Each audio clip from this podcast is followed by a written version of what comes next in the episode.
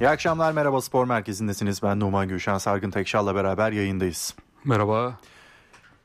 Hafta içi mesaisi var. Ziraat Türkiye Kupası. Dün Beşiktaş rahat turladı. Aslında bu tip galibiyetlere ihtiyacı var Beşiktaş'ın. Şu an bir e, toparlanma sürecinde diyelim Beşiktaş için.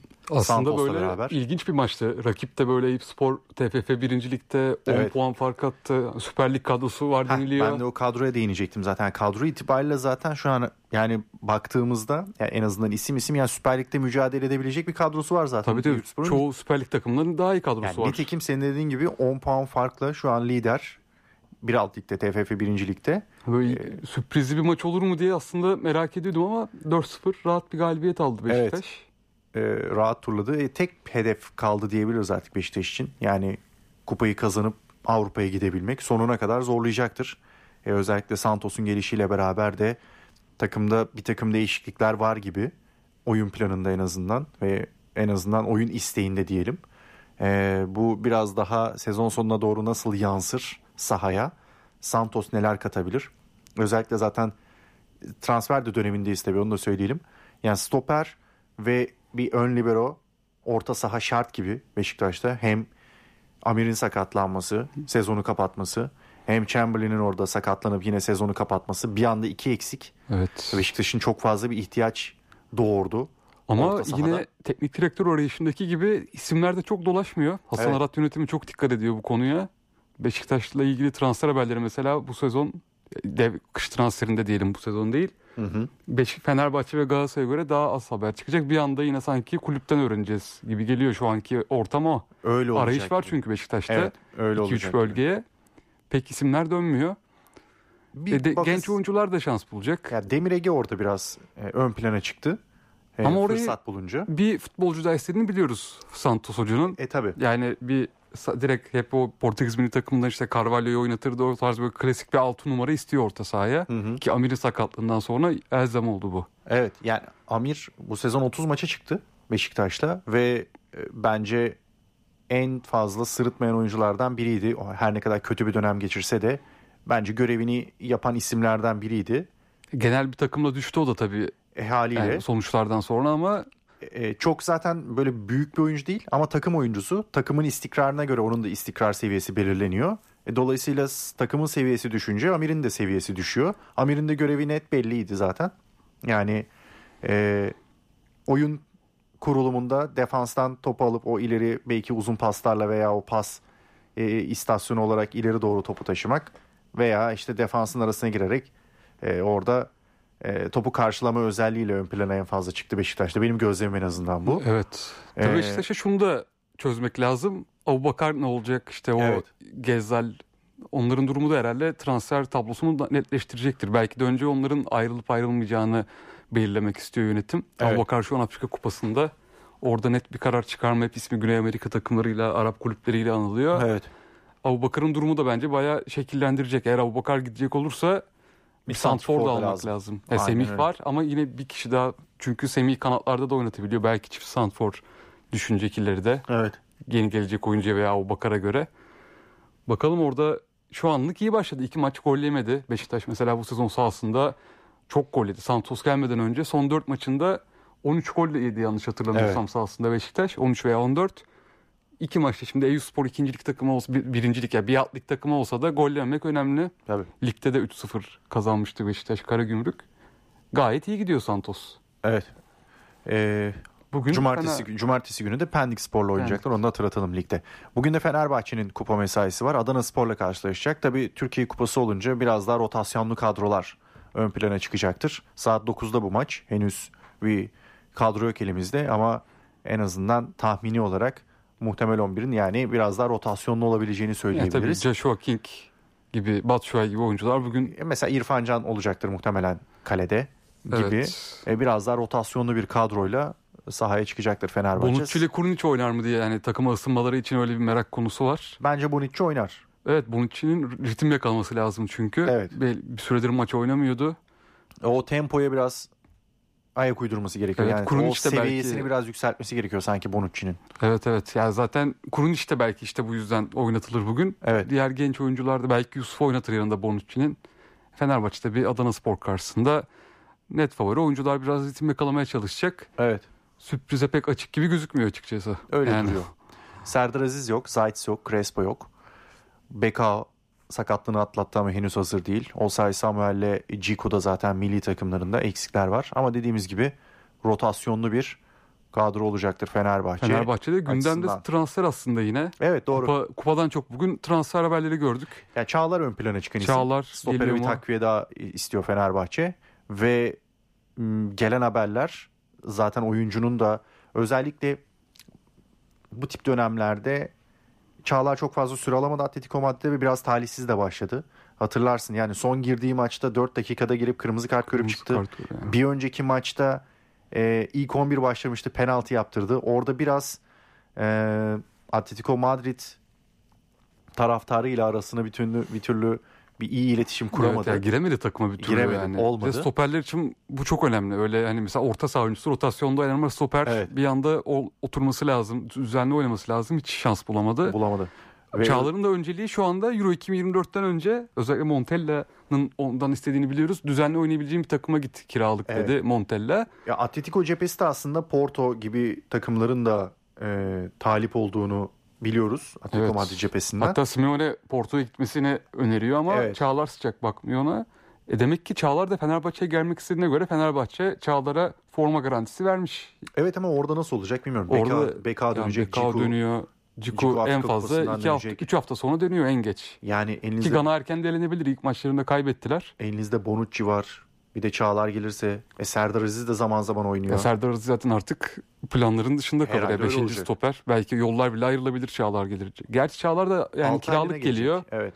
O yüzden belli olmaz Serdar'ın. Ben Serdar da kiralık gidebilir işte bir Anadolu kulübüne belki öyle çözüm üretebilir. Ama orada tabii hangi ikili oynatacak? Orada biraz tabii Bonucci, Çağlar- rekabeti artacak. Ciku Bekao orada göreceğiz. Fenerbahçe ile ilgili ilginç bir transfer gelişmesi de İsmail Yüksek. Evet. Lyon istekli bayağı bu konuda. Evet. Yani 12-13 milyon euroya varan bir teklif var şu anda. 8 milyonu net ödeme diğer, diğerleri de performans bonusu 3-4 milyon Ya euroluk. devre arasında böyle transferleri yani daha doğrusu izin vermek diyeyim bu tip transferlere biraz riskli gibi. Çünkü İsmail Yüksek'in İsmail Kartal'ın planlarının neresinde olduğunu bir öğrenmek gerek.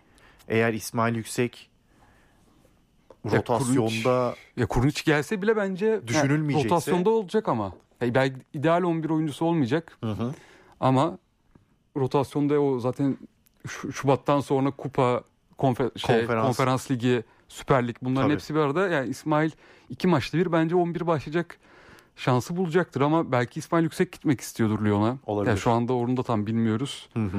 Oyuncu tarafından bir ses çıkmadı henüz. İsmail Yüksek gitmek isterse eğer belki Fenerbahçe'de ona göre bir çözüm üretebilir. Şu an çünkü yerli oyuncu konusunda da artı 3'te İsmail Fenerbahçe'nin elini çok rahatlatıyordu. Tabii kesinlikle. E şimdi orada bir Mert Müldür çıktı. Sezon başından beri yoktu. 2-3 haftadır o sayının yokluğundan beri gayet iyi oynuyor. Hı hı. Hani o Mert Müldür'ü düşünerek belki izin verilebilir mi? Ama sanki sezon sonu bırakmak Fenerbahçe için de daha mantıklı olur. Öyle duruyor gibi. İsmail Yüksek'in de ben bırakın gideyim diye konuşacağını düşünmüyorum. Çünkü yazın hem sezon bitecek şampiyon olan bir takımın oyuncusu olarak gidebilir. Hı hı. Euro 2004'te oynayacak büyük ihtimal Montella'nın hep kadrosunda oluyor İsmail Yüksek. E Fenerbahçe herhalde sezon sonuna kadar ertelese daha iyi olur bu durum ama Fenerbahçe'nin de son dönemdeki satışlarını düşününce güzel bir gelişme bu. Fenerbahçe'nin neredeyse Ali Koç hep söylüyordu ya Benfica, Ajax gibi yapmak istiyorum. Evet. E, bir adım attığını görüyoruz son Ya yıllarda. evet öyle ama dediğin gibi yani devre arasında bu transferleri Tabii. gerçekleştirmek yani bunlara izin vermek biraz riskli gibi. Hele hele takım bir de şampiyonluğa oynuyor. Puan puana bir yarış var. biraz risk olabilir. O yüzden dedim yani İsmail Yüksek, İsmail Kartal'ın planlarının neresinde? Eğer kurun için gelmesiyle beraber bu planların dışında kalıyorsa o zaman gönderilebilir. Ama, Ama- planların dahilindeyse Özellikle ve o artı kupayı da 3'ü düşününce sezon artı 3 kuralı var. Yani orada bir şekilde planlara girecektir. Sanmıyorum o yüzden ben Fenerbahçe'nin izin vereceğine. İsmail Yüksek de sezon sonunu bekleyecektir. Yani herhalde. eğer böyle oynarsa teklif gelecek Avrupa'dan daha. Evet. Peki Galatasaray'da da Icardi dönüyor Sargın. 3 haftalık bir yurt dışı tedavi süreci olmuştu. Ve ülkeye dönecek, ülkemize dönecek, Türkiye'ye dönecek. Trabzonspor maçında da görev yapması bekleniyor. 3 maçı kaçırdı ama o Evet. kaçırdığı sürecin öncesinde de zaten yaşadığı sakatlık problemi Beşiktaş derbisinden beri Icardi sakat. onu biraz düşürdü. Yani o düşünce tabii ki de Galatasaray'da düştü. Ee, bakalım dön dönüşü nasıl olacak? E, Trabzon maçına da direkt yetişecek ama ilk 11'de başlayacak kondisyonu var mı? Evet. O da soru işareti. Belki kulübede de olabilir. Hamle oyuncusu olarak kritik bölümlerde onu Okan Buruk sahaya sürebilir. Hı hı. E, Çünkü işte dediğimiz gibi Beşiktaş maçı Ekim'deydi. Ya aylardır düzenli idman yapamıyor sakatlıktan dolayı. E, son iki haftada da yine tedavisi yoğunlaştı. Hiç takımla çalışmadı. Yani Türkiye'de değildi. E, nasıl uyum sağlayacak? Hemen ilk 11'e koyabilecek mi Okan Buruk? Pek sanmıyorum. Sanki o maçta da olursa yedekte başlar gibi geliyor bana Icardi. Hı hı. E, te- transfer demişken Galatasaray'ın da transfer politikasını konuşalım. Sol bek en ön plana çıkan herhalde bölge Galatasaray'da. E, Rıdvan Yılmaz ismi ön plana çıkmıştı sol bek için ama Rangers tarafı pek sıcak bakmıyor buna.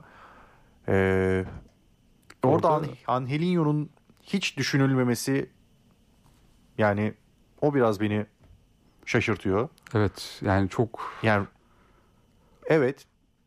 Şimdi dün Gürkan'la da konuşmuştuk transfer hattında ve hani söylediği şey defansif olarak çok katkı alamamış olması Angelinho'dan. Hücumda da çok bekleneni sağlayamadı diye söyledi. Ee, ama bu kadar gözden düşecek bir oyuncu mu o bilmiyorum onu ben. yani yerine kimi getireceğinize bağlı şimdi. Orada Evet. isimler işte Rıdvan Yılmaz mesela Anelino'ya göre ne kadar özellikle şu 6 aylık vadede katkı sağlar. Evet. Anelino'dan çok da üstüne çıkmasını beklemiyorum ben Rıdvan'ın gelirse. E, çünkü o da zaten düzenli oynamadı. E bir de Rıdvan'ın da aslında oyun tarzı yani hücumcu bir sol bektir. Yani savunmasında da Rıdvan'ın da savunmasında sorunlar olacak. Yani Anelino'da Evet. da ol- olduğu gibi büyük bir fark olmaz? Belki yabancı oyuncu transferi olacak orada da. Birçok isim konuşuluyor ama daha somut bir teklif yok Galatasaray'dan yapılan. Hı hı. Anelino dışında tabii işte hep Ziyech'in durumu da söz konusu. Yani kalacak mı gidecek mi? Endombele tepki gördü son maçta. Evet. Bir türlü de mesela Anelino'dansa A- Endombele hiç bence bir katkı veremedi. Doğru. Endombele hiç yoktu 6 aydır. Yazdan beri bir maçını hatırlamıyorum ben Endombele'nin. Benim Angelinho ile ilgili söylememin sebebi şu. Ee, üst düzey maçlarda, yani Şampiyonlar Ligi maçlarında Angelinho oynatıldı hep. Ve orada gösterdiği bir performans var.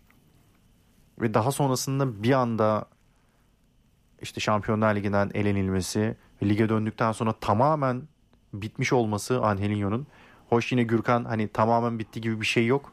Hani senin söylediğine geliyor. Yani yerine belki birini bulunmazsa ki Leipzig'in de burada kabul etmeme gibi durumu da söz konusu olabilir. E bir de orada Geri dönüşü. aslında en kritik nokta kiralık Anelino ama satın alma opsiyonu var. Evet. Maç Bir- oynarsa bir devreye iki maç giriyor. kaldı galiba değil mi? Evet ya bence orada tıkayan bu hatta Leipzig'le Galatasaray şunu da görüşüyor.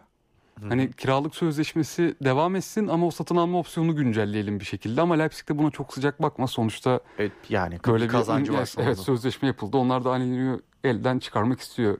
İki yıldır kiraya veriyorlar. Evet. Satabilirsek de satalım inancında onlar. Hı hı. O yüzden ben pek güncelleneceğini düşünmüyorum o sözleşmenin. Galatasaray belki feshetme yoluna gider işte eğer Leipzig bonservis olayını iptal etmezse. Hı hı. Orada da işte şartları nasıl olacak? Angelino'ya ekstra bir ödeme gerekiyor mu? Yerine gelecek oyuncu derken biraz düğüme döndü o tarafta yani. Evet. Çünkü Angelino takımda duruyor. Hala ayrılmadı. Evet doğru. Ama oynatamıyorsun da. E, Yani İlginç bir durum ortaya çıktı şu anda. Oynatamamak oynatmıyorsun. Evet yani opsiyonlu devreye girmesin diye. Aynen.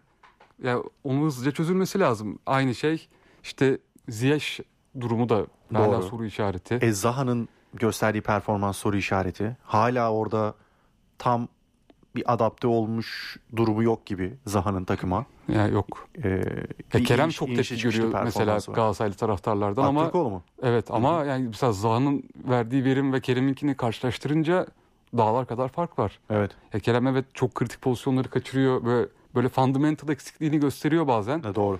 Ama bir şekilde takıma katkı sağlıyor. Icardi ile ayrıca bir uyumu var. Mertens'le de bence gayet iyi anlaşıyor. Orada iyi bir üçlü kurmuştu geçen sene Galatasaray. Hı hı. Bu sezon o yok. İşte Mertens mesela iki maçtır o takımı sırtlamaya çalışıyor. Bu sene sezon başında Kerem'in belki de performansının düşük başlamasının sebebi Mertens yani Zaha ve Tete'yi oynatabilmek için Kerem'i ortaya çekmek. Yani Mertens'in pozisyonuna çekip oradan verim almaya çalışmak Kerem'i de düşürdü bence.